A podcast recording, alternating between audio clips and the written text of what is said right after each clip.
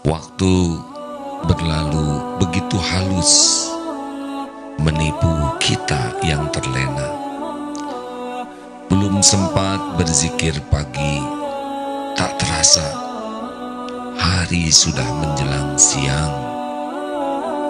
Belum sempat bersedekah pagi, matahari sudah meninggi. Berniat jam sembilan mau sholat duha, tiba-tiba azan duhur sudah terdengar.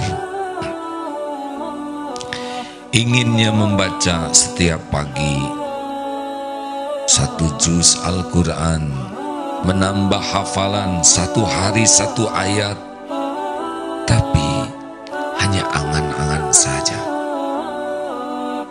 Bertekad tidak akan melewatkan malam kecuali dengan tahajud dan witir.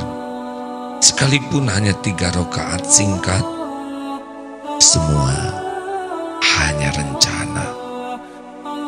Akan terus beginikah nasib hidup menghabiskan umur?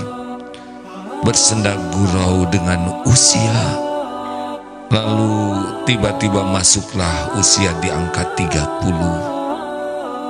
Sebentar kemudian 40, tak lama terasa menjadi 50 dan kemudian orang-orang memanggil kita dengan sebutan kek, nek, pertanda kita sudah tua.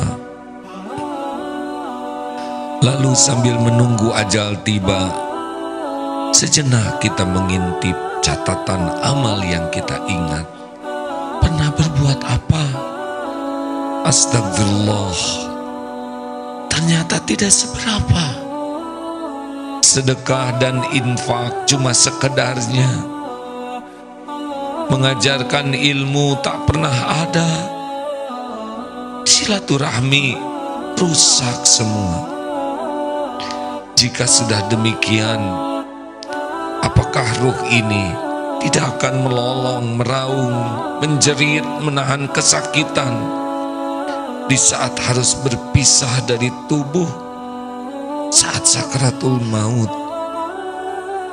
Tambahkan usia ini ya Allah. Hamba perlu bertambah waktu untuk beramal dan berbekal sebelum engkau akhiri dengan ajal. Belum cukupkah menyia-nyiakan waktu selama 30, 40, 50 atau 60 tahun? Perlu berapa tahun lagi kah? untuk mengulangi pagi, siang, sore, dan malam hari. Perlu berapa minggu, bulan, dan tahun lagi agar bisa mempersiapkan diri untuk siap mati? Tidakkah kita merasa kehilangan waktu dan kesempatan untuk menghasilkan pahala di setiap detiknya? Maka seribu tahun pun tak akan pernah cukup bagi orang-orang yang terlena